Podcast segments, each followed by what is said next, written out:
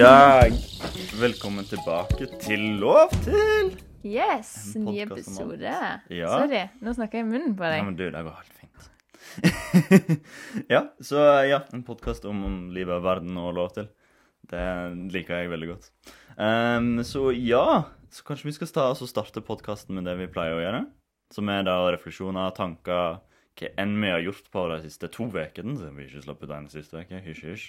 Tidlig påskeferie. Ja. Tok han ei uke på forhånd? Ja. Ja.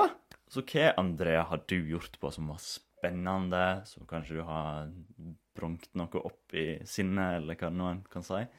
Nei, eh, siden sist eh, så har det egentlig vært litt sånn hektisk innspurt eh, før ferie på jobb. Eh, så det har tatt mye tid og energi. Men ganske positivt. Spennende prosjekt som jeg får lov å, å jobbe på uten at det skal liksom bli for jobbrelatert. Så det er vel det jeg har gjort. Har òg eh, fått litt sånn brakkesyke eh, hjemme i leiligheten. Eh, kjent, kjent på den. Eh, ja, tungt eh, å se de samme veggene. Det er sånn når du har gjennomgått alle ommøbleringsmuligheter, alle liksom Skal jeg male, skal jeg ikke male? Skal jeg liksom hoppe inn på dette veldig materialistiske tingene bare fordi at jeg går og ser på de samme veggene hver eneste dag ut og inn? Kjenner at brakksyken liksom runde to har, har tatt meg litt. Det jeg har gjort med det, eh, var vel egentlig å eh, ja, ta en telefon hjem og spørre om lov til å få lov å komme på hytta litt før, for å være litt nærmere egentlig ja, snø, natur, ski, få en helt annen ro i kroppen. Mm. Eh, og det har vært utrolig, utrolig deilig. Eh, og jeg tror det at jeg ikke hadde på en måte klart å identifisere at det var det jeg trengte eh, hvis jeg ser tilbake på ei litt tøffere tid før jul. Da Da hadde jeg liksom bare kjørt på og eh, liksom push through, conquer through eh, alt for å så liksom det blir bedre på hi sida. Um, Istedenfor å stoppe opp og si OK, nå trenger jeg bare liksom litt eh, peace and quiet på en litt annen måte enn det du kanskje får hjemme. Uh, og, det, og så syns jeg det er liksom litt sånn rart å si det òg, fordi hjemme er jo liksom min base, der jeg trives best, eh, i byen, i, i sånne ting. Men det er bare sånn noe med å komme på hytta. Mm. Får en helt annen sånn puls på Mm. ting. Og jeg har jo liksom hatt hyttekontor, eh, selvfølgelig. Eh, så jeg har jo jobba og, og vært liksom med på alt jeg skulle, eh, men da fra hyttekontoret. Og det jeg har liksom gjort med noen tanker rundt, da, er litt den der For min del, hvor mye enklere det er å liksom spenne på seg skitten etter jobb, kontra det å snøre på seg joggesko og ta en joggetur, liksom. Mm.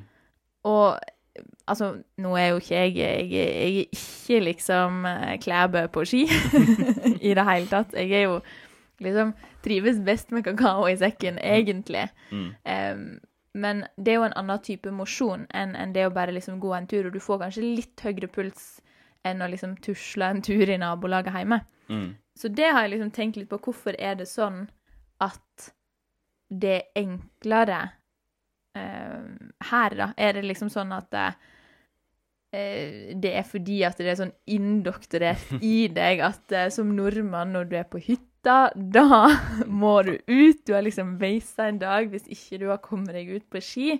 Mm. Er det det, eller er det faktisk det at jeg liksom kanskje er nærmere eh, naturen, da, på en Mm. annen måte? Mm. eh, og at jeg trengte et avbrekk. Mm. Ja. For det, det, liksom, det skaper jo liksom en nødvendighet. Sant? Det er det som kommer opp inni meg. Det er at vi liksom, Når du har natur lett tilgjengelig, så skaper det en nødvendighet. sånn, En trang innvendig på at du har lyst å komme deg ut. Og når du ikke liksom ser det og har tilgang til det, så føler du ikke trangen til det. Sant? For du har ikke du har ikke noe visuelt ku til det engang. Så det er sånn Hm, skal jeg gå ut Nei, det er egentlig det samme overalt. Men går du ut i, på fjellet, så er det egentlig forskjellig hver dag. Så du har liksom en endring. Du er med i endringen òg. Du er med med at snøen smelter, og kanskje snør, kanskje er kaldt, men det er forskjellig. sant? Og den endringen trenger vi. sant? Vi mennesker er så glad i det komfortable. Men vi blir òg mer komfortable når det er usikkert rundt oss.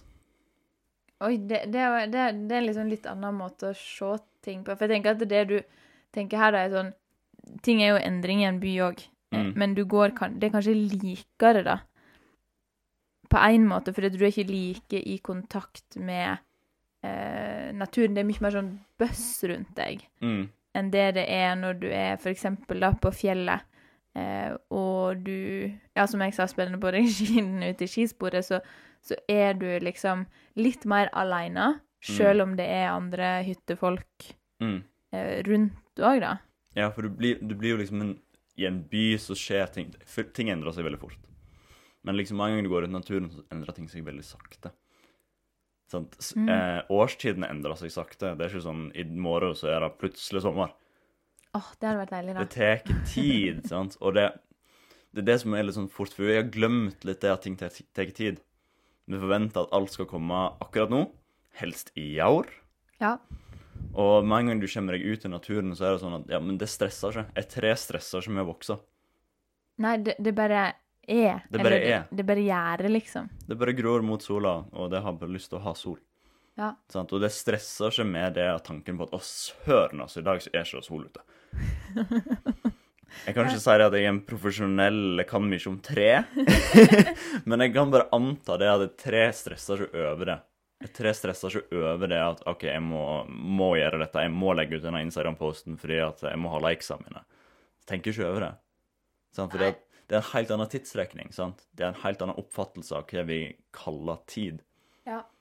Jo, men det, det Mm. tror jeg er veldig sant. Og det er kanskje den roen en liksom finner idet en tar steget litt mer sånn aktivt ut i ut i naturen, da. Mm. Eh, at, at du liksom Ja, du senker skuldrene fordi Kanskje du finner liksom litt tilbake til liksom original-purposen til mennesket, da. Mm. In a way. Det Ja. er jo farfetch, men eh, ja. Ja, men det, du gjør jo det, liksom. Vi, er jo, vi kommer jo fra naturen, liksom.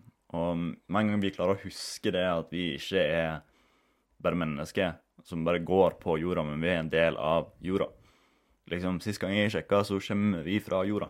Ja, ja liksom økosystemet jordkloden, da. Mhm. At, ja. Ja. Eller Gaia, eller hva noen vil kalle det. Sant? det.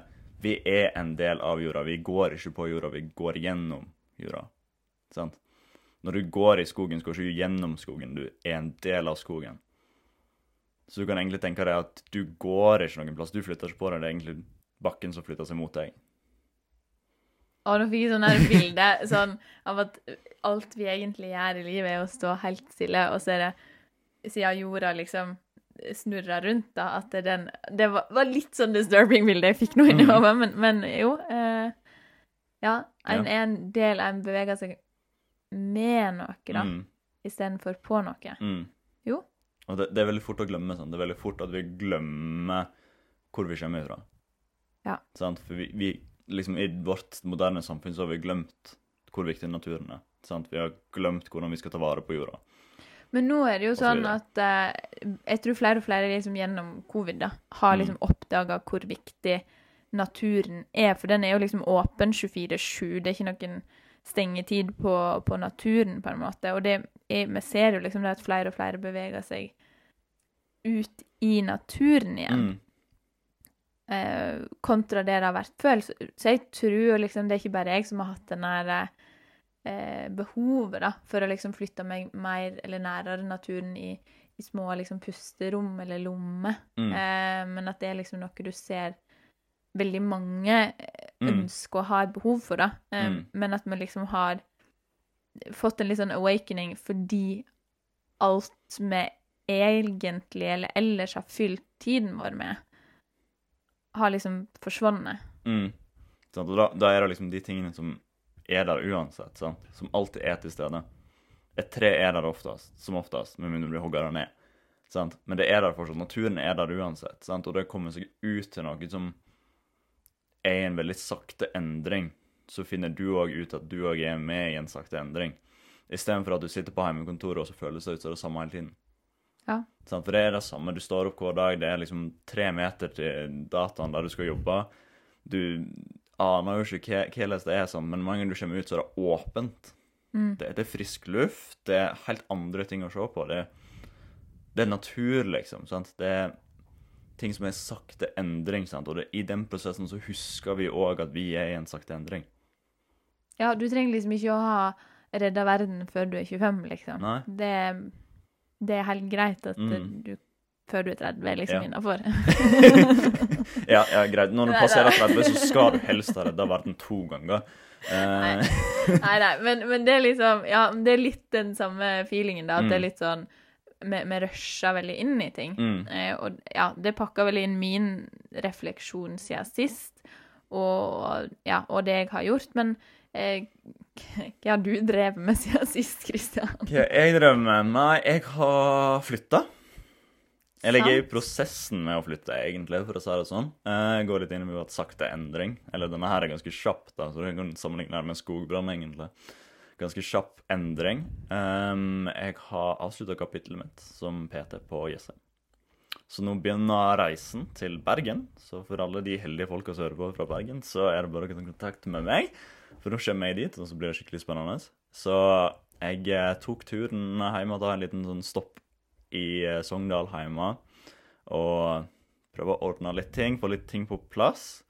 Så det jeg egentlig har tenkt mest på, er Er det her det jeg vil? Mm. Sant? Spørsmålet kommer alltid opp når det er en endring. sant? Er det her det jeg vil, er det det jeg ønsker? Svaret er ja. Sant? Men det er alltid liksom den der inner criticen, eller den der eh, kritikkstemma inni deg som sier nei, du, du, du det var greit der du var, sant? det går helt fint, det. Men det er da kunsten egentlig bare finner finne roen i seg sjøl og gå ut i naturen, for det er der ting, skjer ting sakte. Og da klarer du òg å sakke ned tankene dine. Mm. Så det er egentlig det som har vært prosessen min nå, at jeg må finne litt tilbake til roen min. Fordi når jeg glemmer det, så blir ikke jeg et hyggelig menneske. Du har vært ganske hyggelig Ja. i denne prosessen. Jeg Ja. må nå si det, liksom, som, som har fått lov å, å være med på liksom tankene rundt det. Og det jeg må jo liksom si at du har jo ikke du har ikke liksom fått en sånn smooth reise inn i liksom karriere med koronaår, åpning, stenging, åpning, stenging. Altså, det har jo det har vært turbulent. Mm. Eh, og det har jo, tror jeg, da, gitt utrolig mye erfaringer for deg òg, eh, som liksom positiv lærdom som du tar med deg videre. Og jeg tenker jo det at selv om du kanskje ikke ser alle de traitsa eller det det har gitt deg nå, så tror jeg du kommer til å liksom etter hvert sette veldig pris på at du har Du hoppa bare rett i det og var sånn Mm. OK, jeg fikk jobb på, på Jessheim. Eh, første liksom ut i og, og testa og, og bo på en, en helt annen plass der du egentlig ikke hadde noe nettverk til å, å begynne med. Og jeg syns jo det var dødskult og modig gjort av deg, liksom. Mm. Og, og bare si sånn Vet du hva, nå, nå er jeg klar, nå hopper jeg i det her. Eh, og det har jo gått bra. Ja, det har jo gått kjempebra. Jeg har jo lært utrolig mye. Jeg veit jo ganske godt noe jeg har har egenskapen til å gjøre. Er ting vanskelig rundt meg, så finner jeg en løsning, liksom. Så jeg sier jo ikke noe på det, men det er fortsatt den der lille usikkerheten. Hæ, går det her bra nå? Videre? Hmm. Men altså, jeg er sikker på at jeg har muligheten til det. Jeg er dønn sikker på det. Og det er det noe jeg prøver å minne meg sjøl på. Prøver å minne meg sjøl på det at jeg har evnen til å gjennomføre det. Mm. Uansett hva ting som skjer rundt meg, så vet jeg hvem jeg er. Og det er utrolig viktig. Og for å dra litt tilbake til det med natur og sånt, så må jeg ha det for at jeg skal vite hvem jeg er. Jeg må ha det. Det så Ja. Egentlig enkelt og greit så det er det jeg har tenkt på nå det siste. Så kanskje vi skal dra det litt inn i det vi har begynt å prate om. Vi skal prate om natur i dag. Hva natur har med oss mennesker å gjøre? Det er løye ting å tenke på. Ja, men før du hopper inn i det, for da har jeg bare lyst til å si For det er egentlig liksom noe av det som jeg beundrer mest med deg, da. Eh, er jo det at du, du har en så sterk sense of self. Um, altså, du veit veldig godt hvem du er, og er veldig trygg i det i deg sjøl.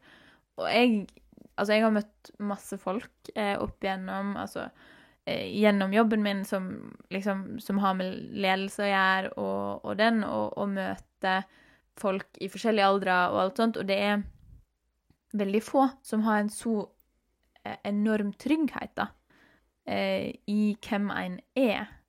Eh, og, og jeg syns jo det er helt fantastisk å liksom se ah, hvor trygg du er på det, og jeg tror òg det er, er noe av det som gjør at du er villig til å kanskje ta det andre ville vurdert som en stor sjanse, da. Um, og bare si sånn OK, nå, nå pakker jeg veggen min uh, og begynner på et nytt eventyr, egentlig. Mm. så det må, du, det må du virkelig liksom bare ta til deg. Um, og så håper jo jeg at det kan være til inspirasjon for veldig mange andre òg, å tørre å stille det spørsmålet Hva er det jeg vil? Mm. Uten å føle at det nødvendigvis er egoistisk. Mm. Eh, og der er vel jeg litt sånn annerledes, for jeg er jo veldig sånn Har kanskje et større behov for å liksom vite hva alle andre òg mener, og, og ta imot veldig mye råd, og, og ha liksom en, en litt annen approach til det. Eh, og kanskje kjenne tidligere på den her Oi, tok jeg et egoistisk valg nå? Mm. Fordi det kanskje ikke hadde gagna flest av de rundt meg. Mm. Og i den Dette har jo vi hatt masse samtaler rundt òg, og jeg tror jo at en sånn fin balanse eh, mellom begge er viktig. At en eh, ber om råd, en kan spørre om liksom, noen som har mer erfaring med ting, hvordan ser de på det, men til syvende og sist er det å tørre å sette seg ned eller gå ut i naturen, eller hvor nå enn du finner liksom en litt annen ro, og, og stille seg sjøl spørsmålet Mm. hva er det jeg vil? Mm. Eh, hvor er det jeg ser meg sjøl om tre år, fem år? Sånn, eller, og tørre kanskje òg å stille liksom det kontrollspørsmålet, da, sånn Er jeg helt sikker på at dette er noe jeg vil, som jeg har motivasjon for å klare å gjennomføre? Mm. Eller er det fordi at noen andre har tegna et løp som Mm. er sånn det klassiske eh, eh, Jobb, eller skole, jobb, eh, karriere, familie, bla, bla, bla. Mm. Sant? Men jeg tror jo òg du er lykkeligere hvis du klarer å finne liksom din indre motivasjon for å nå det målet du setter deg sjøl, da. Mm. Og jeg, jeg vil jo jeg vil, jeg vil egentlig Jeg er ikke så stor fan av den der tanken på okay, hva vil du gjøre om tre år. Nei, OK. Jeg er mer fan av uh, det at man sier at OK, greit, hva er det jeg ønsker å oppnå? Ja, Hva ønsker jeg å få liksom. til? Sånn. Og så heller tenke på ikke når, men heller gi slipp på prosessen. Faktisk glem prosessen i det, og bare slipp deg sjøl fri fra det. Veit at du skal nå det, men du trenger ikke å tenke på hvordan du skal oppnå det. For idet du bare gir slipp på tanken på at du skal kontrollere utkommet, så kommer det du vil. Og det her er kanskje så langt ute på vidda. Jeg tror ikke det er så langt ute, men jeg tror veldig mange ville sagt at dette er litt mer sånn en, en del altså spirituelt i det, da. Mm. Altså Hvor Hva mange vil si tenk, Hvis du tenker det, så skjer det, eller det fins nok noe mer fancy måte å forklare det på. word, deed. Sant? Ja. Exakt. Ja. Mm. Men, men jeg tror ja, Tror ikke du at du må ha liksom ett mål av gangen? Altså delmål for å nå Mm. Jo, jo, jeg er enig med det. Men det jeg prøver å si her, er at du ser for deg hva du vil oppnå. Men du glemmer, eller du legger fra deg hvordan du skal komme dit. mm, La oss si at du ser for deg at om x antall tid så skal du ha en fin bil. Men da ser du heller for deg hvordan det er å kjøre bilen. Hvordan lukter det i bilen. Hvordan føles rattet. Sant? Og så tenker du bare mer på hvordan det føles ut, og hvordan det oppfattes i det øyeblikket. Og i den prosessen, hvis du glemmer hvordan du skal komme deg dit, så kommer du deg dit.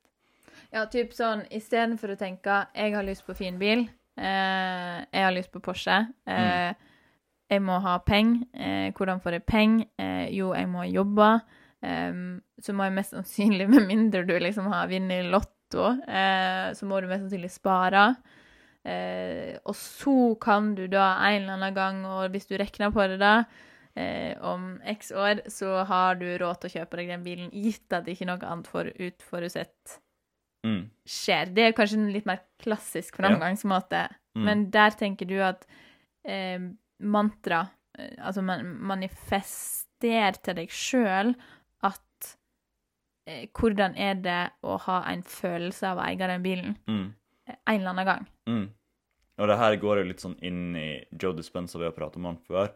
Liksom, han prater veldig mye om liksom, du skal pare det du ønsker med liksom en, en følelse. Så la oss si at du har lyst til å føle at du har absolutt alt du trenger. Og da tar du heller og parer det med den følelsen av overflod. med en følelse av frihet, eksempel. Det er to veldig sånn sterke følelser, og så lever du i de i noe. Du lever du der akkurat nå, så får du det du vil. Det er det som er litt sånn ironisk med at vi, vi mennesker vil ha kontroll over alt som er rundt oss, istedenfor å bare gi slipp på det. Mm. Fordi vi, vi er så oppfanga i konseptet med tid. At alt skal skje på x antall tid, istedenfor at vi kan heller tenke at tid er noe som egentlig ikke eksisterer. Det eneste vi gjør, er å være akkurat nå. Mm. Sånn at fortiden skjer nå, og framtiden skjer nå. Det er bare spørsmål om hva du vil putte i det. Ja. ja, ja, om fem sekunder så er det Nå, nå er de fem sekundene over, så Mm. nå er jo det fortid. Mm. Men ja, jo. Interessant, vil Ja. jeg si. Dette her syns jeg er sånn djupdykk, og du kan gjøre så mange sånne tankeeksperiment rundt dette her, da. ehm, som liksom du kan throws you off, liksom. Mm. Men det er jo superinteressant å tørre å gjøre det. For jeg tror Mm. du liksom utforsker en del av deg sjøl òg, og liksom finner kanskje hvor er ditt fotfeste i, i verden når det kommer til denne type teorier og, og tankeganger, da. Men jeg tror veldig på at det å være åpen for å eh, få liksom andre inputs, da, Mm. istedenfor den klassiske veien, eh, beriker det. Eh, Mm. Det gjør det mer spennende å, eh, å leve. Ja, ja, men det gjør jo liksom livet fra liksom å være en sånn kjedelig greie som du bare gjør til et eventyr. Ja. Til et mysterium, sånn, for et liv er et evig mysterium. Sånn, hvis du tenker på hvordan F kom jeg meg hit, liksom. Det er et rent mysterium. Liksom, du klarer ikke å beskrive hva har skjedd for at jeg skal komme meg hit i dag. Du kan liksom ikke logistisk sett tenke at okay, greit, det var den tingen som skjedde, så kom den tingen, og så kom den tingen. Sant? Uenig. Du kan det. Du kan jo liksom Mm. Altså litt logisk tankegang Ja. kommer Du kommer jo ganske langt med det, da. Mm. Altså sånn eh, OK, jeg, jeg gikk eh, der og der, jeg tok den graden, um, fikk jobb. Jeg, jeg, jeg kan jo liksom bygge den veien eller den stigen, trappa, kall det det du vil.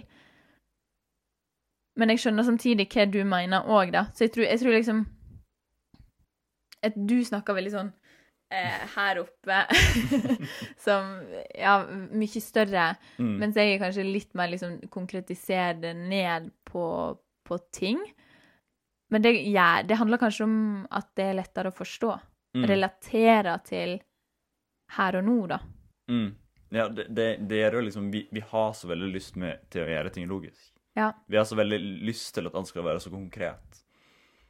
Men sannheten er jo at ingenting er konkret. Absolutt alt endrer seg hele tiden.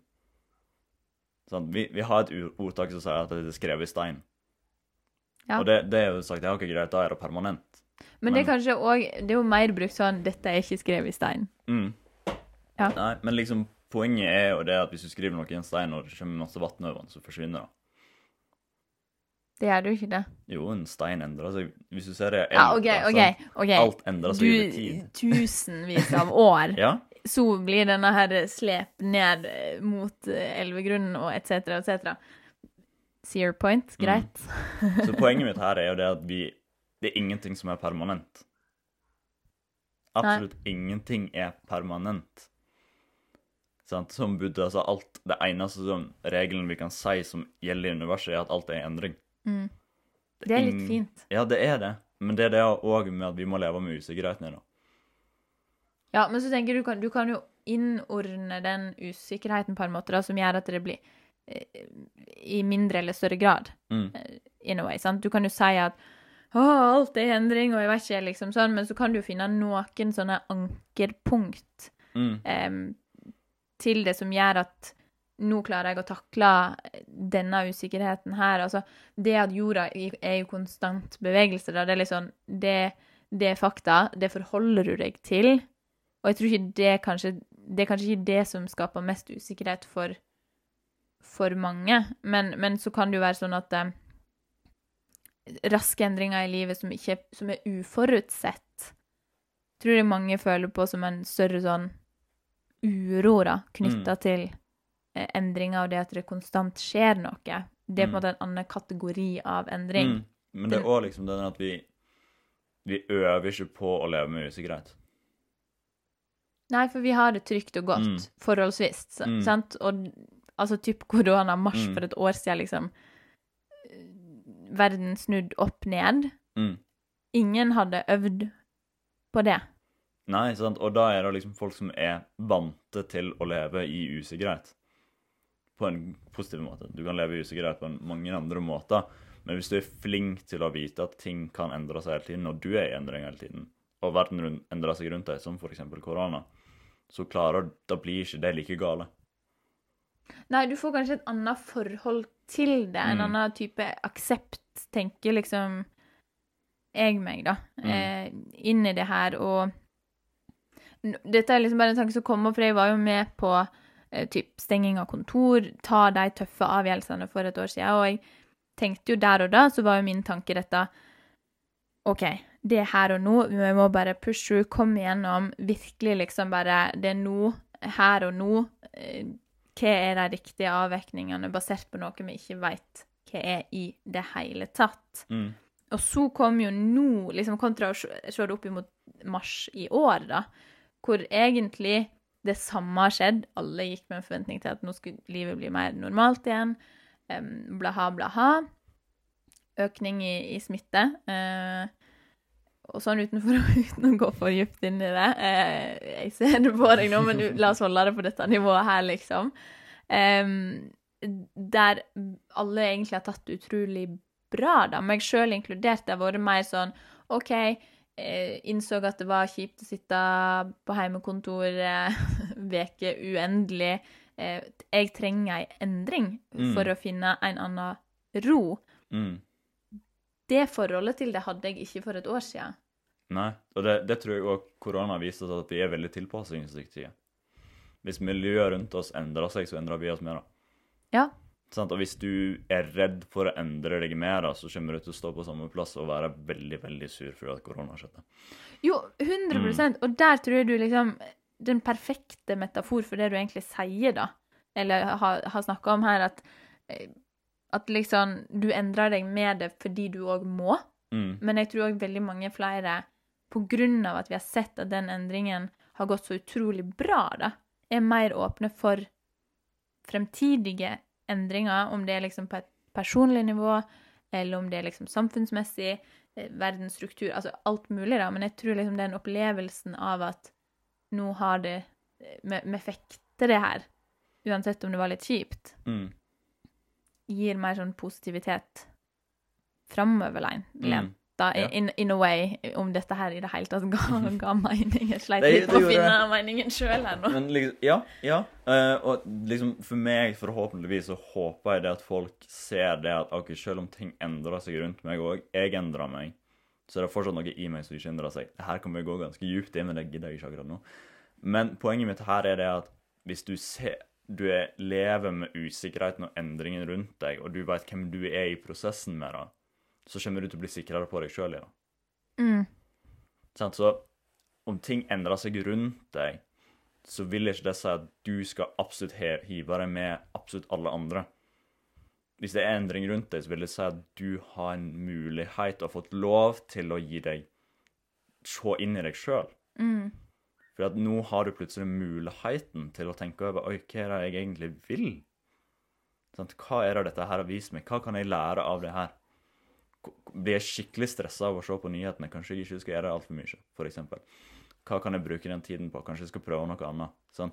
Prøve å bruke muligheten når ting endrer seg rundt deg, til at du skal finne deg sjøl enda mer. Mm. Og, og, og sette pris på det som gir deg mest positiv energi, da. Mm. Det, det tror jeg er viktig. Jeg tror ikke det er sånn at du kan liksom kaste ut alt og si at jeg, jeg elsker å gå på rand, og jeg skal gjøre det eh, alltid, hele tid. Men jeg tror det er sånn OK, det vet jeg at jeg trives med å gjøre. Derfor så lager jeg mer tid til det i livet Mm. mitt. Og jeg tror jo veldig at det er der liksom det vi ser med folk nå, da, som flere og flere trekker ut i marka i Oslo, eller naturen generelt, fordi alt annet har blitt liksom stengt ned. Jeg er jo personlig litt lei meg for det, for jeg er jo Altså, alt, grunnen til å bo i en by, liksom, den er, den er vekke på Mm. en måte, da. Um, samtidig som jeg òg tror det er veldig positivt at så mange folk fra et liksom helsemessig eh, finn tilbake til deg sjøl-perspektiv, Mm.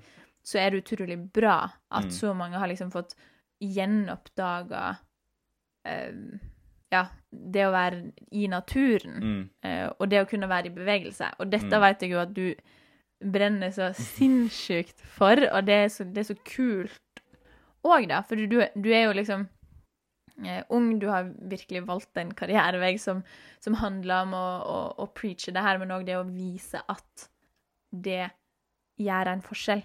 Og Mm. det trenger ikke nødvendigvis bare være sånn OK, ut og jogg, for nå skal du få eh, superkondis og løpe maraton, eller eh, legg deg ned og gjør situps for å få sixpack, liksom. Det er sikkert ikke sånn du får det, men men, men poenget mitt der er jo liksom den Vær i bevegelse for å finne en ro. Mm. Ja, sant. Fordi at hvis vi er i bevegelse, så klarer vi å være en del av endringen. Mm. Så er du stille, så klarer du ikke å være en del av det. Så det, bevegelse kan jo òg liksom si at hvis du beveger deg, så klarer du òg å bevege deg med endringen rundt deg. Sant? Hvis du går i naturen, så er jo du med på endringen i naturen. Hvert skritt du gjør, skaper jo en endring. Sant? Det påvirker mikrobiomet i bakken, som da sier noe til my- myceliumet, som da forteller trærne. Alt er jo sammenkobla, sant? Mikrobiom Mikrobiom er eh, bakteriekulturen, eller den store liksom, mengden med bakterier som jobber sammen. Positivt. Ja, positivt. Ja. Sånn. Bakken, bakken er ikke død. Den er full av masse bakterier. Uh, mycelium er liksom sopp.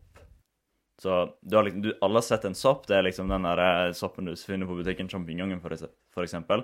Men det er bare frukten av en sopp. En sopp bor under bakken, og du kan egentlig sammenligne det mest med hvordan nervene våre funker. Hele okay. nervesystemet vårt funker. Fordi en sopp er egentlig ikke ei plante, det er ikke et dyr. Det er en kultur. Nei. Eller nei. Det er en kombinasjon av begge. En kombinasjon av ei plante og et dyr. Så vi mennesker vi er lagd for å fordøye maten innvendig. En sopp gjorde den motsatte. Så den gjør det utvendig. OK, det her er litt sånn crazy. Nå blir jeg sånn Hvis det er en krysning mellom et dyr og et frukt Mhm, det, det er første gang jeg har hørt. mhm. Men hvordan Altså det ser ut som et stort spørsmålstegn. Ja, det Um, tror jeg det er flere som gjør. Nei, så sopp er Du kan egentlig bare tenke deg at en sopp er egentlig, Det ser ut som hjernen vår, egentlig. Bare under bakken. Bare at den er spredt over et så mye større areal. Sånn, Så, så liksom masse Jeg ser nå for meg liksom et eh, nettverk av små, små, tynne tråder, egentlig. Ja, det er helt riktig. Okay. Så at, og soppen bruker det for å kommunisere, den bruker det til å liksom få mat, for å liksom bryte ned mineral. Sopp er den eneste tingen som kan bryte ned stein, eksempel. Men det som er litt sånn kult med sopp, da, som jeg skal dra litt tilbake til det jeg sa i stad, det er at tre er vist til at de kommuniserer med sopp. For å For eksempel la du ha ei liksom morstre, da, som er liksom det første treet, og så eh, skilter ut frøene sine, og så gror det opp liksom et dattertre. Så hvis det skjer, liksom, hvis dattertreet får en skade, så bruker liksom morstreet mycelium eller soppen til å sende næring til dattertreet. Ok, det her, er- det her høres ut som noe som er tatt ut av en eller annen sci-fi eller eller sånn sånn eventyr. eventyr. Ja. eh. Men det her er realiteten rundt oss. Sånn at Hmm. ingenting kan skilles fra hverandre. Absolutt alt jobber sammen. Ja, det, det Mm. er jeg jo enig i. Det tror jeg, det ser du jo liksom i økosystem, og at alle Altså, én ting er avhengig av en annen ting for å overleve, eh, og ja, Mm. alt dette her, da. Men jeg, et, jeg har aldri tenkt at sopp er noe mer enn sopp. ja, men sånn Ja. i, i den forstand, Mm. altså ete sopp, da. Du fins Mm. jo Du har jo liksom eh, Sopp er vel òg typ mugg, liksom. Ja. Ja. Mm. Og det er veldig masse forskjellige sopptyper og arter. Men en, en god film som jeg skal anbefale alle her, den heter Fantastic Fungi. Fungi. Og den, det er faktisk en av de kuleste og vakreste filmene jeg har sett som handler om planteriket. Det, det er en veldig veldig fascinerende film. Den anbefaler jeg å høre. Der, for, der, Der viser de veldig, veldig visuelt hvordan det her funker. At sopp ikke bare er den der eh, greia som vokser ut av bakken og du syns det er litt ekkel, men det har så mye mer funksjon, det har så mye mer Det gir Liv. hver Ja, det er jo liv, men det er samtidig dødt, dødt så det er et stort paradoks, egentlig, akkurat det der. Men ja. Nei, men jeg, sånn du snakker om det nå, da, så tenker jeg dette er jo Det er mer liv i det enn en sjampinjong, på en måte. Mm. Og ja. Ja. Hmm. Ja. Så sopp er skikkelig fascinerende tema. Spennende digresjon. Veldig jeg skal kaste- ut én til fakta. Ja, Den største organismen som finnes på jorda, det er en sopp. OK. Mhm. Så den, Jeg husker ikke hvor den var. Den er i USA en plass, men det er snakk om liksom eh, flere hundre mål i liksom areal. Den strekker seg utover. Men, nå, men nå, nå tenker jo ikke du liksom på verdens største sjampinjong, liksom. Nei, nei, nei. Jeg tenker på liksom myceliumet, det som er i bakken. Ja, Sant? de små nettverket. trådene med nettverk sant? som Ja. ser ut som et nervesystem. Ja, OK. Så ja. Men det er god digresjon, for å si det sånn. Jo, OK. Fordi når du sa det her, så så jeg for meg liksom sånn derre the, the king of all mushrooms vokser liksom i et uh, større enn et hus. Det, det er jo ikke det. Det er Nei, det fantes det underjordiske Ja. Det er faktisk fantastisk. det også. Hvis du tenker tilbake for sånn et par millioner år siden, så var det gigantiske sopper. ja. På størrelse med et tre, liksom. Litt kult om man kunne bygd et hus i en sopp. Kanskje ikke, jeg vet ikke. Nei, OK. End the digresjonen der. Men kult. Bra anbefalinger, helt sikkert. Jeg må nok eh, se deg, da. Eh, Ja. Eller i hvert fall den filmen din. Den er veldig, Fantastisk veldig god. Nei, Fantastic fungi. fungi. All right. All right. Ja, kult. Men vi, hva vi snak, hva snakka vi om, egentlig? Uh, vi, skal vi se, vi prata om at jeg gikk i skogen, og at vi er i endring med det som er rundt oss. True. Og at folk har funnet tilbake igjen til mer til naturen, da. Mm. Eh, og jeg leste faktisk i dag um, en heading om noen eh, Om det var artister eller Jeg tror det var en artist, eh, nå husker jeg ikke hvem det var, men som hadde flytta ut i skogen for å liksom finne ut at bylivet er ikke noe for henne. Og det er jo flere sånne eksempler man liksom har sett før det er litt sånn eh, rare artikler sånn Mann, eh, Oslo-mann flytta ut i marka eh, Mm. på halvtårsbasis. Eh, altså, de artiklene har jo alltid vært der. Sånn Mm. en eller annen gang i løpet av et år så dukker det opp en sånn type artikkel og sånt. Men nå føler jeg at det har blitt liksom en høyere eh, frekventering på den type Mm. eh, artikler gjennom det siste året, da, men òg veldig den der at det plutselig er liksom artist eller vanlige folk kont kontra nå de vi ser opp til, som gjør det her, eller snakker mer om at de har et behov for å gjøre det. Mm. Og det er jo veldig fint. Ja, ja, det er kjempefint. Og det her minner meg om bare noe som heter liksom rewilding of self. OK. Så det er et kult konsept, syns jeg. da, sant? Self er jo liksom den vi tror vi er. sant? I Jung sitt perspektiv så har du liksom self med stor S, som er den du er. Altså rewilding of self vil da si at du prøver å gjøre deg sjøl villig igjen. Og du kan egentlig forklare det som at du husker hvem du er. Jeg vil Altså, i hvordan I den, i den sånn at du husker at du kommer fra naturen.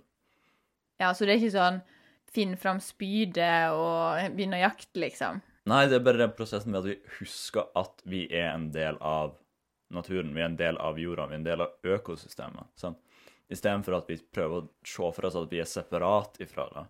Ja, eller høyere enn. Mm. Ja. Så er vi en del av det. Vi er nødvendig. Vi trenger å ta vare på jorda for at vi skal få mat på bordet, liksom. Så det å huske det at vi kommer derifra, det er en prosess. sant? Det er det å huske at vi er en del av naturen.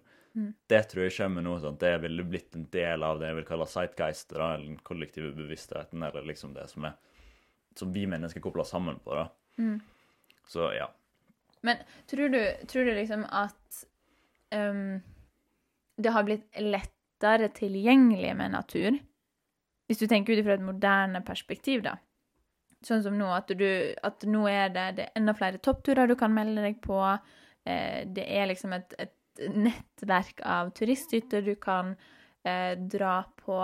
Eh, det har òg fått liksom en litt sånn hype, den derre turist i eget land eh, og den type ting, at det er med på å booste Altså booste det kollektive rundt det å kunne dra ut på tur, da. Ja, ja. Og den har jo to sider, sant. Det, det, er veldig mange som liksom Ja, det er veldig vanlig for nordmenn å kjøpe hytte akkurat nå. Men vi kjøper jo hytte, og så skal du ha absolutt, absolutt alt på hytta, liksom. Jeg syns jo det er digg, da. Ja. Men sant, det blir sånn Du skal ha et annet hus bare en annen plass. Sant? Istedenfor at du tenker OK, greit, hvorfor vil jeg ha ei hytte på fjellet? Er det fordi at jeg vil ha tilgang til natur? Men jeg tror jo til syvende og sist at det er, det er det for veldig mange, da. Det å kunne ha en annen plass. Mm. Sant? At du, du, kan Du gjør ikke de samme tinga på hytta som du nødvendigvis gjør hjemme. Nei, nei, du gjør jo ikke det. Men det, som, det jeg vil prøve å komme fram til her, er jo det at Hvorfor velger du å bygge hytta på fjellet? Sånn, er det fordi at du egentlig innerst inne savner det å være tilknytta til naturen? Mm. Sånn, er det det at vi har bodd så lenge i en by og vært så sivilisert rundt oss at vi har, føler på trangen til å komme oss ut og bli en del av naturen igjen? Sånn innerst inne i skinnet. Ja Jeg føler Altså, jo, ja, jeg tror det. Jeg tror det handler litt om den der at en ikke helt kan identifisere at det er et behov en har. Eh, fordi det blir liksom skygga av veldig mye annet bøss. Liksom sånn Altså om du bor i ei bygd òg, da. Jeg Mm. tror ikke det liksom er ensbetona med at du må bo i en by for at eh, du skal ha et behov for å komme deg på hytta, eksempel, eller, eller den type ting. For jeg merka jo bare for meg sjøl Jeg måtte jo flytte vekk fra Sogndal før jeg satte pris på hvor vakkert og hvor nærme jeg var naturen der. Mm. Samtidig som jeg er ganske trygg på meg sjøl at jeg kommer alltid til å like å komme tilbake igjen på besøk. Mm. eh, type ting, Men jeg setter mye mer pris på naturen som, som alltid har vært der, og jeg har ikke skjønt før jeg på en måte fjerna det, eh, hvor mye det betyr for meg. Mm. Em, ja. Og, og den tror jeg mange kan ha liksom gjenoppdaga nå. Men så tror jeg òg, sånn som du sier, at det, om det er noe helt, helt djupt indre Ja, til en viss grad. Jeg tror òg veldig mye handler om eh, norsk kultur Mm. faktisk. Men så kan du jo begynne liksom med tankerekka der, da. Norsk kultur, hytte, friluftsliv. Det kan jo være ved sjøen, det kan være Mm. uh, overalt. Men det, vi er jo liksom et friluftsfolk, sånn veldig generelt Mm. uh, sagt, da. Eh, og, og jeg tenker litt sånn derre Det ligger jo kulturelt, og hvis du tek, drar den tankerekka veldig langt tilbake, så må det jo komme fra noe. Mm. Ja, Sånn, Ingenting skjer jo uten at noe har skjedd før. Det er ganske enkelt. sånn. Det går litt imot det jeg sa i stad, men Men paradoks, det er alt verden egentlig er. Eh, nei, men det, det er veldig sant. sant? Vi, vi har jo en kultur sant, som egentlig Vi kommer jo ifra Den norske kulturen kommer jo ifra liksom, husmannssamfunn. Liksom, ting som Der vi måtte ha egne dyr. Vi måtte lage vår egen mat. Men altså, ettersom samfunnet utvikler seg, så har jo vi lyst til å gå tilbake til det. Sant? Vi har, har litt lyst til å gå tilbake til naturen. Sant? For vi har litt lyst til å huske det. Vi har litt Ja. lyst til å huske følelsen av hvordan det er, og ikke høre at alle bilene rundt står og tuter på hverandre og sånn. Litt lyst på stillheten. sant? Litt lyst på liksom, den roen som fins en annen plass. Så jeg tror kanskje det er det. Det er en del av det, i hvert fall. Ja, 100 Og jeg tror jo det å, å komme ut i naturen, om det bare er i en park, da, Mm. eller om det er eh, en kort fjelltur eh, eller en tur på hytta em, Og det å finne en annen stillhet gjør utrolig mye for deg, både mentalt og fysisk, uten at du trenger å være så enormt fysisk aktiv nødvendigvis, da. Mm. Eh, Så tror du liksom bare Du får en sånn Jeg vet ikke helt hvordan jeg skal liksom forklare det, men jeg tror du får en litt annen ro, en, en stillhet i deg sjøl. Og, og det er på en måte en form for terapi. Mm, ja, og det, det her minner meg om noe som de gjør i Japan. I Japan så skriver leger resept på noe som heter nature therapy. Det vil si at de sier til en, en pasient Nei, du må faktisk ha deg en tur i skogen. Sånn, og det de viser, er at du får lavere blod, eh, blodtrykk, du blir mye mer rolig, du senker stresset. Bare med å gå ut i naturen. Hvorfor skjer det? Hm, løye. Men sant, og det, det er liksom Når vi husker at vi kommer fra naturen, og hvor viktig det er Og jeg syns det er veldig gale at du må gå til legen for at legen skal si at du skal gå ut. Men det er òg noe positivt at OK, du kan gå ut i naturen, og så senker det blodtrykket ditt. Hæ? Det er jo kjempebra. At du klarer å stresse litt mindre. Og det er veldig viktig, sant? sant? Siden alt skal skje så fort rundt oss. Og det går litt tilbake til det vi pratet om i stad. sant? Hvis vi går ut i naturen, så skjer ting så mye saktere. Ting Mm. tar ikke så mye lengre tid. sant? Tre vokser i den tempoet de vil, og det er egentlig ganske fornøyd med akkurat det tempoet du gror i. Og da kan du jo bli en del av det å være ganske fornøyd med det tempoet du går i. Du trenger ikke å sprenge, du trenger ikke å jogge, du trenger ikke å være klæbø på ski. sant? Du trenger ikke det. Du kan bare gå deg en skitur og så være en del av noe litt mer enn deg sjøl, og så sette litt de andre tankene på vent. Mm. Sette litt om tankene på ok, hva skal jeg ha til middag? Eh, Søren, altså, jeg må ta en telefon til jobben. Sånn hele tankerekka kommer. Men da kan du gå en tur, og så Oi, jeg trenger ikke å tenke på det. Det går fint. Oi, det var et fint tre. Jo, og så tror jeg det er sånn, Selv om du tenker på det når du går en tur, da, så tror jeg du allikevel kommer ut med noe an, en anna, et annet syn på ting. da. Det kan Mm. være det at du har gjort en omprioritering på det du trodde var det viktigste i det du gikk ut, men når du kommer inn igjen, så var det kanskje det at OK Da Istedenfor å ta de tre telefonene, så tar du den ene, og så klarer du å delegere det Mm. for eksempel. Um, og, og du får liksom et nytt perspektiv på ting. Og det tror Mm. du Du trenger ikke være på fjellet eller i sjøen eller Kanskje i sjøen, det er jo òg blitt Mm. en, en ting nå. Men ja, jeg, jeg tror veldig på den at du får et annet perspektiv fordi Mm. du er i bevegelse på å komme deg ut der på Mm. den turen. Em, samtidig som du får en annen ro, da. Mm. For det tvinger Hvis du går en fjelltur, så tvinger det deg til å bli til stede. Ja, du har, du har jo ikke jo ikke Altså, valg. valget er jo der. Du kan jo velge å ikke være til stede, men sannsynligheten for at du tryner, er langt større Ja, da, liksom. Det gjør vondt i ankelen etterpå, jeg sa det sånn hvis du drakk over. Ja. Så det tvinger deg til å være til stede. Det som skjer når vi er til stede, er at vi setter tankene litt på vent. Mm. Du, du må endre perspektivet ditt. Sant? Du må endre perspektivet ditt på hvordan du ser tankene dine.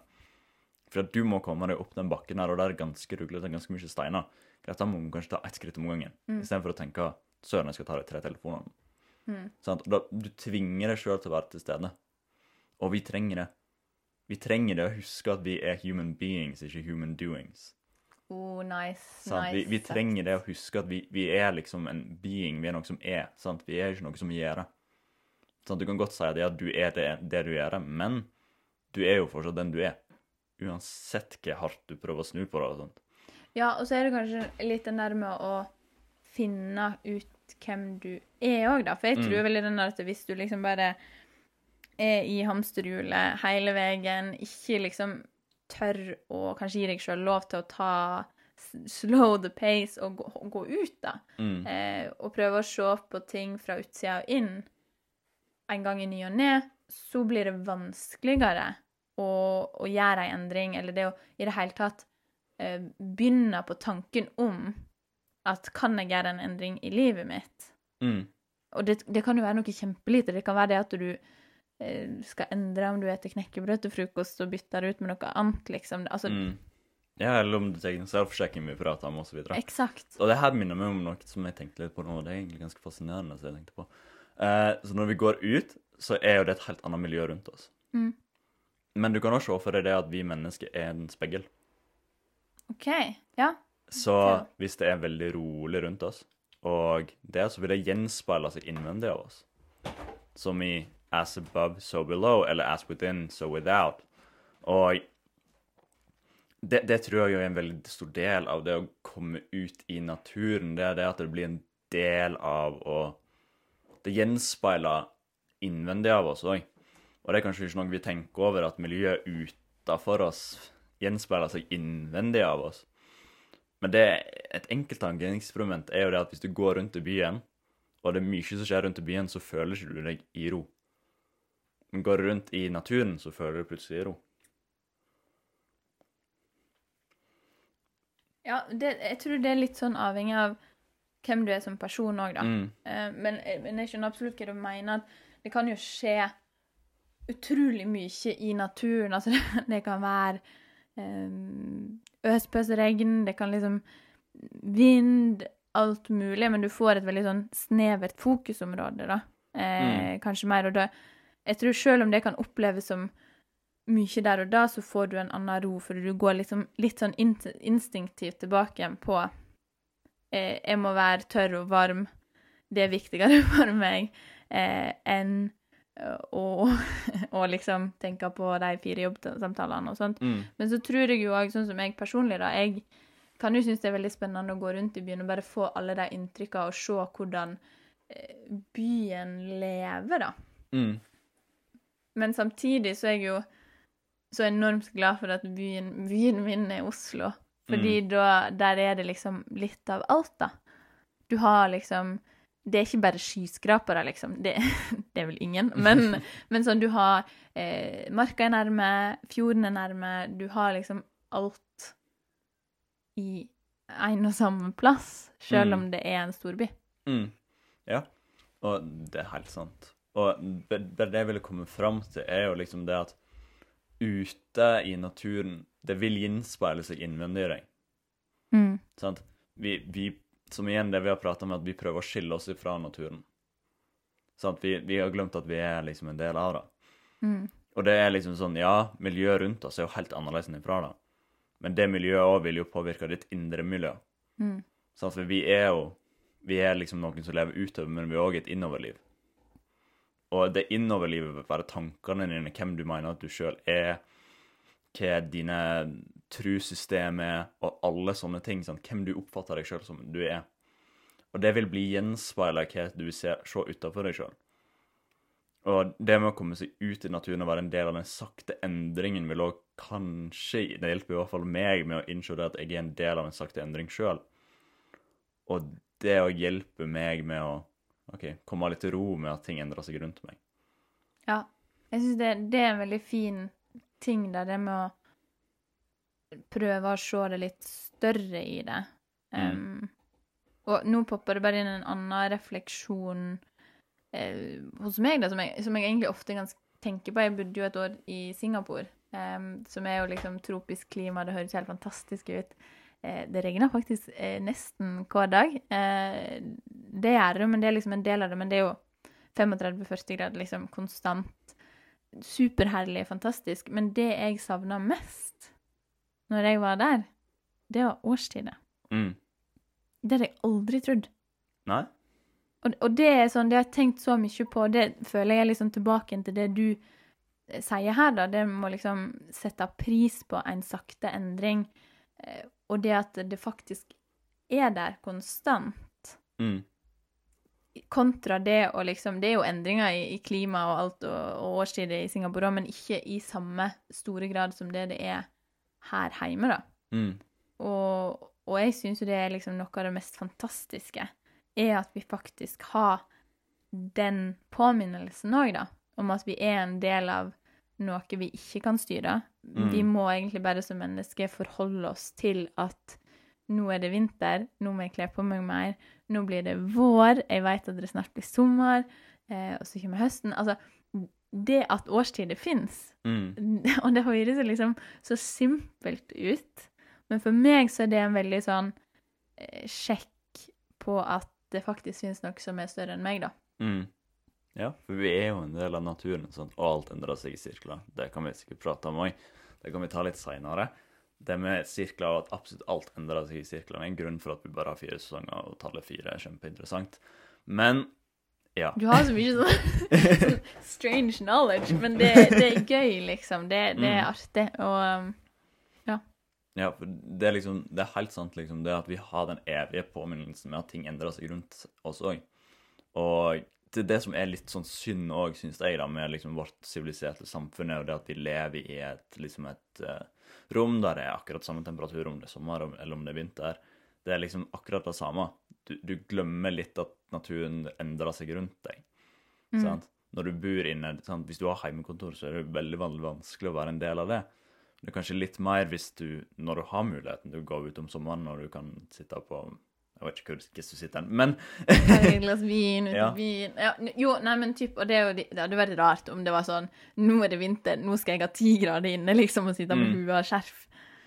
Ja, det er liksom sånn Det, det er jo en sånn tosidig sak, men det er sånn den påminnelsen òg med at vi vet at OK, greit, nå er det kaldt, liksom. Mm. Sånn, vi, vi Det gir oss òg liksom enda mer sånn Jeg vil si det gjør oss svakere.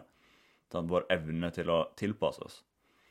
Men vi gjør, vi Ja. gjør det jo allikevel, da. Hvis Vi du tenker det. liksom på hvordan Altså ta bare sånn topp of mind fashion, da. Det er jo ulike sesonger i motebildet òg. Det er jo fordi Altså Uten at jeg veit det her, altså det er jo selvfølgelig et kommersielt uh, syn her òg, men hvis du ser vekk fra det, da, så handler det jo om at vi veit at OK, på vinteren så, så vil du ha varmere klær Mm. fordi du trenger det, og sommeren så har du lettere tøy. Fordi det er ikke behov for å gå med Mm. ja, tjukk stillongs, liksom. Ja, ja, og det, det er jo helt sant, liksom. Vi, vi har jo liksom tilpassa det òg ut ifra liksom hvordan miljøet rundt oss endrer seg. Men det jeg ville bare komme fram til, er at liksom når vi lever i et så komfortabelt miljø, så glemmer vi jo òg liksom Da blir det veldig fort glemt det at OK, greit, det er vinter, jeg må kle på meg, men hvorfor skal jeg gjøre det? Sant? Ja. Gå liksom ett spørsmål litt dypere, sant. Hvorfor? Stille spørsmålet hvorfor, sant. Og det kan du også stille deg sjøl. Hvorfor gjør jeg det her? Ja, og så tror jeg kanskje òg mer den der at du glemmer å sette pris på det, Mm. eh, er mer aktuelt. For det er sånn Å, herre min hatt, nå er det minus 20 grader ute, det er så kaldt, hvorfor er det så kaldt? Eh, Ja, men sånn, det, Mm. det er veldig sånn lett å dra den og bare sånn Å, jeg lengter sånn etter varmere. Og det er helt greit å lengte etter noe, tror jeg, men jeg tror, vi, jeg tror vi skal liksom begynne å sette litt pris på at det er kaldt, da. Mm. Jeg syns det har vært liksom helt fantastisk at det var så kaldt som det var. Ja, it was a pain in the ass to liksom ta på seg masse klær for å komme seg ut av hjemmekontoret og gå den turen. Men allikevel Det at det var, det var jo så flott, det var så fint, sant? Og det å velge, for det tror jeg er et valg, å Mm. sette pris på at det er sånn her nå, og jeg vet at det kommer noe bedre. Jeg vet at det kommer en solskinnsdag, liksom Mm. det er et annet forhold enn å være den Vet du hva, nå sitter jeg inne i protest fordi at jeg ikke aksepterer at det er vinter. Mm, ja, og det, det er skikkelig skikkelig godt. Du har sagt det veldig masse. Det å sette pris på. Sånn jeg vil si det å være takknemlig for noe. Mm. Sånn Skape en, en practice eller noe du gjør hver dag, og være takknemlig for. Sånn Si tre ting du er takknemlig for hver dag. Skal jeg love deg at det gjør større endringer med deg sjøl enn det du kan tro. Sånn, det er en så enkel ting. Sånn, vi tar så for gitt. Det å være takknemlig for ting. Hallo, vi er så heldige. Ja, jeg tror det er liksom i alt. Mhm. At vi Ja, samfunnsmessig Det med liksom bare kan sitte her og snakke om de tinga her eh, Ja. Det, det er en veldig fin øvelse. Kanskje det òg er Mm. liksom en fin oppfordring å, å runde litt av med, da. Mm. Det der med å prøve å gjøre den øvelsen med å finne noen ting du er takknemlig for um, hver dag, eller et par ganger i veka i hvert fall. Mm. Ja, helst liksom finn det hver dag. Det trenger ikke være ei lang side. Men det jeg vil si, er faktisk skriv det ned. Mm. Skriv det ned. Fordi når vi som oftest bare tenker ok, nå er jeg takknemlig for noe, så er det sånn åh, ja, det går fort. sånn. Mm. Men en gang vi skal skrive noe for hånd, så må du faktisk senke ned tanketempoet ditt. Og da rekker du faktisk å tenke over hva du skriver. Du rekker òg å føle inni det. Mm. For det er mange som sier ja, takknemlighet til tingene jeg bruker hver dag. Men så sier jeg OK, greit, hvordan får jeg det til å føle deg? Sånn, vi, vi glemmer det at vi må pare det sammen med en følelse. Sånn, det er å faktisk føle seg takknemlig for noe. Sånn, og det er en helt annen følelse enn å tenke at jeg er takknemlig for noe. Jo, helt, helt klart. Og jeg tenker sånn Jeg tror alle har fått en gave, da, så sier du sånn Å, takk, det var akkurat det jeg ønska meg. Mm. Men så har du kanskje fått en annen eh, gave. Det kan jo være noe eh, du har ønska deg i, i flere år. Eh, og det kan jo være eh, du har oppnådd det sjøl, eller sånn Nå har jeg eh, gjort dette for meg sjøl. Jeg har kjøpt meg dette skoparet, da. Eh, og jeg er så veldig takknemlig for dette, for dette er noe jeg har jobba for.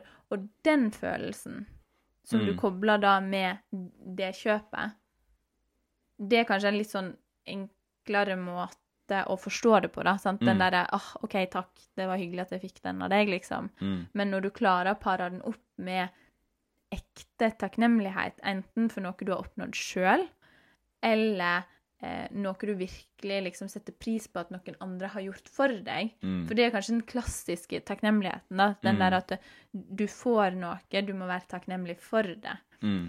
Og jeg tror det er kanskje den, for min del har, har vært liksom en, en øvelse som har gjort det lettere. Og i min hverdag nå Nå er ikke jeg så god på å skrive det ned, da, men, men det å i hvert fall prøve å ha en tanke eh, og ta noen minutter til å tenke at i dag er jeg faktisk veldig takknemlig eh, for at jeg og du har podda, eksempel. Mm. Og, og det er jeg. Og det parer jeg med en gledesfølelse. Mm. Ja, og liksom takknemlighet er et så morsomt verktøy du kan bruke da, til så mange ting. Uh, og det er veldig, veldig bra det du sier. sant? Det, det trenger ikke å være noe stort. sant? Det kan være kunsten av å faktisk lage en podkast. Det kan være gleden av å kunne lage seg et måltid. sant? Ha tid til å lage seg et måltid. Hallo, du er så heldig når du får lov til å lage mat til deg sjøl, og kanskje andre òg, til og med. Og det trenger det, det burde du være så takknemlig for. Ikke for å legge press på deg, men liksom, hallo. Jo, jo, jo men jeg tror det er liksom det, og det, det er den der at jeg, Prøv å tenke på det neste gang du, du får noe, eller noen gjør noe for deg. Eh, hva gjør det med deg følelsesmessig òg? Eh, og så kanskje begynne å gå inn i den der eh, Finn én ting om dagen, da. Eh, Mm. Gi deg lov til å liksom ta de to minuttene til å bare OK, det var en litt kjip dag, men, men hva Kan jeg finne noe som jeg var takknemlig for? Altså, det kan jo være eh, OK, jeg Jeg satt på bussen, og det var det var noen som, som lo og smilte fordi de hørte på en podkast, eller du kan bare anta at det var det de gjorde. Mm. Eh, Men det kan være en sånn bitte liten rar ting som jeg kan bli veldig sånn takknemlig for, fordi det viser at vi fortsatt bare er mennesker. Mm. Det er helt sant. Oi, takknemlighet kan du òg bruke til det vi prater om i stad, det med å manifestere det og skape den realiteten du ønsker. Mm. La oss si at du har, du har funnet den tingen, du har visualisert den bilen, hvordan opplevelsen er.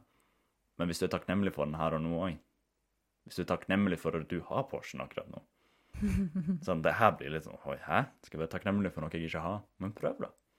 Det trenger ikke være en Porsche, da. Selv om det er du burde ha. Men Hmm. Nei, men liksom, hvis du, det er noe du ønsker òg, vær takknemlig for at du har det. Mm. For da, i, i den prosessen så har du det. Da trenger du det ikke. Da lever ikke du i et tankesett der du ikke har. Da lever du i et tankesett der du har. Mm. Og igjen dra den inn i de tinga som du òg faktisk har, da. Mm. Mm. Har muligheten til. Mm. Altså, ja, universet er stort, dette er like stort. Det er så mange muligheter, options og alt sånt, men jeg tror liksom det siste her som vi er veldig enige om, og sånt, det er litt den der Øv på å være takknemlig for ting, og øv på å sette pris på. Mm. Og jeg tror det er noe du Det er noe en aldri blir for god på. Nei, det er bare en konstant ting som du alltid kan bli, bli bedre på. Sånn, Akkurat som å puste, akkurat som å ta en knebøy, f.eks. Øver du hver dag. Selv om det er en vanskelig øvelse, så blir du bedre, men du kan aldri bli best på den. Sånn, Du kan alltid bli bedre på den. Sånn, Du kan alltid bli flinkere på å være takknemlig. Sant? Og det, det er veldig fint med det, for det, for, det fortsetter å gi. Det fortsetter å gi, og det er, viser òg igjen der at du er i konstant bevegelse og utvikling i alle deler av livet. da. Mm. Ja. Så det vil jo jeg si at var en skikkelig, skikkelig god avslutning. Ja. Ja. Og da tenker jeg det liksom er, er oppfordringen. Og så Takk for i dag. Mhm. Nei, men eh, det jeg vil minne folk på, er jo å em, rate oss gjerne eh, Mhm. i eh, der du lytter til podkast. Eh, nå kommer, står det helt stille hva det heter for noe, men der du lytter til denne episoden. Mm. Rate oss gjerne. Kom gjerne med tilbakemeldinger. Mhm. Eh, gjerne de positive hvis du har litt eh, kritikk, eller konstruktive tilbakemeldinger, heter det på fagspråket. eh, send det gjerne til oss på DM. For jeg, jeg tror vi syns det er veldig spennende Mm. å, å høre om det. Og DM, da tenker jeg Altså, du finner meg på, på Insta, Mhm. er nok best. Eh, og går òg, eh, vel? Ja, ja, meg går på Instagram, eller hva nå enn vil gjøre. Ja. Hvis du vil sende faks, da har jeg ikke det. Det kan vi ordne hvis Det- vi får det vi tilbakemelding på, på at det er et behov. Men ja, Eh. gjerne, gjerne eh, gi oss en, en review. Gjerne skriv en review òg. Det, det hjelper oss òg betraktelig mye. Eh, del den hvis du syns den er litt til nytte, hvis du føler at andre òg har lyst til å trenge å høre det her. Så del den, gjør hva du vil. Og hvis du ikke liker det, så trenger du ikke å dele det med andre. Du kan holde det mellom oss to. sant? Så flott. Den er fin. Eh, og det kommer mer eh, content utover òg. Mhm. Vi jobber kontinuerlig. Jeg syns jo dette er kjempegøy. Mhm. Eh, jeg tror det blir veldig spennende å se for hvordan vi skal få til den remote-delen. Ja, Men det blir It's gonna eh, be easy. Oh yeah, it's already done, you know. It's already done. It's gonna be easy. Ja. Nei, men vi håper du liker Lov til. Mm -hmm. for vi digger å drive med dette her. Ja. Og jeg må bare si tusen takk til alle som allerede har lytta. Det er over all forventning Mhm. eh, allerede. Eh, og ja, som sagt, tema om dere lurer på noe, anything. Eh, du finner meg i hvert fall på Instagram, og du finner Christian på Instagram, Mhm. Clubhouse, og masse spennende prosjekt. Vi kan jo Yes. legge det til i, i show titles hvis Show noen notes, ja. lurer. Vi legger det inn. Titles, ja. ja. Notes. show titles? Yes, indeed. Ja, nå begynner det å gå gå i surr her, så nå tror jeg vi skal runde av. eh, Ja, men så flott. Ja. Da prates vi neste uke. med det. Livet, verden. Lov til!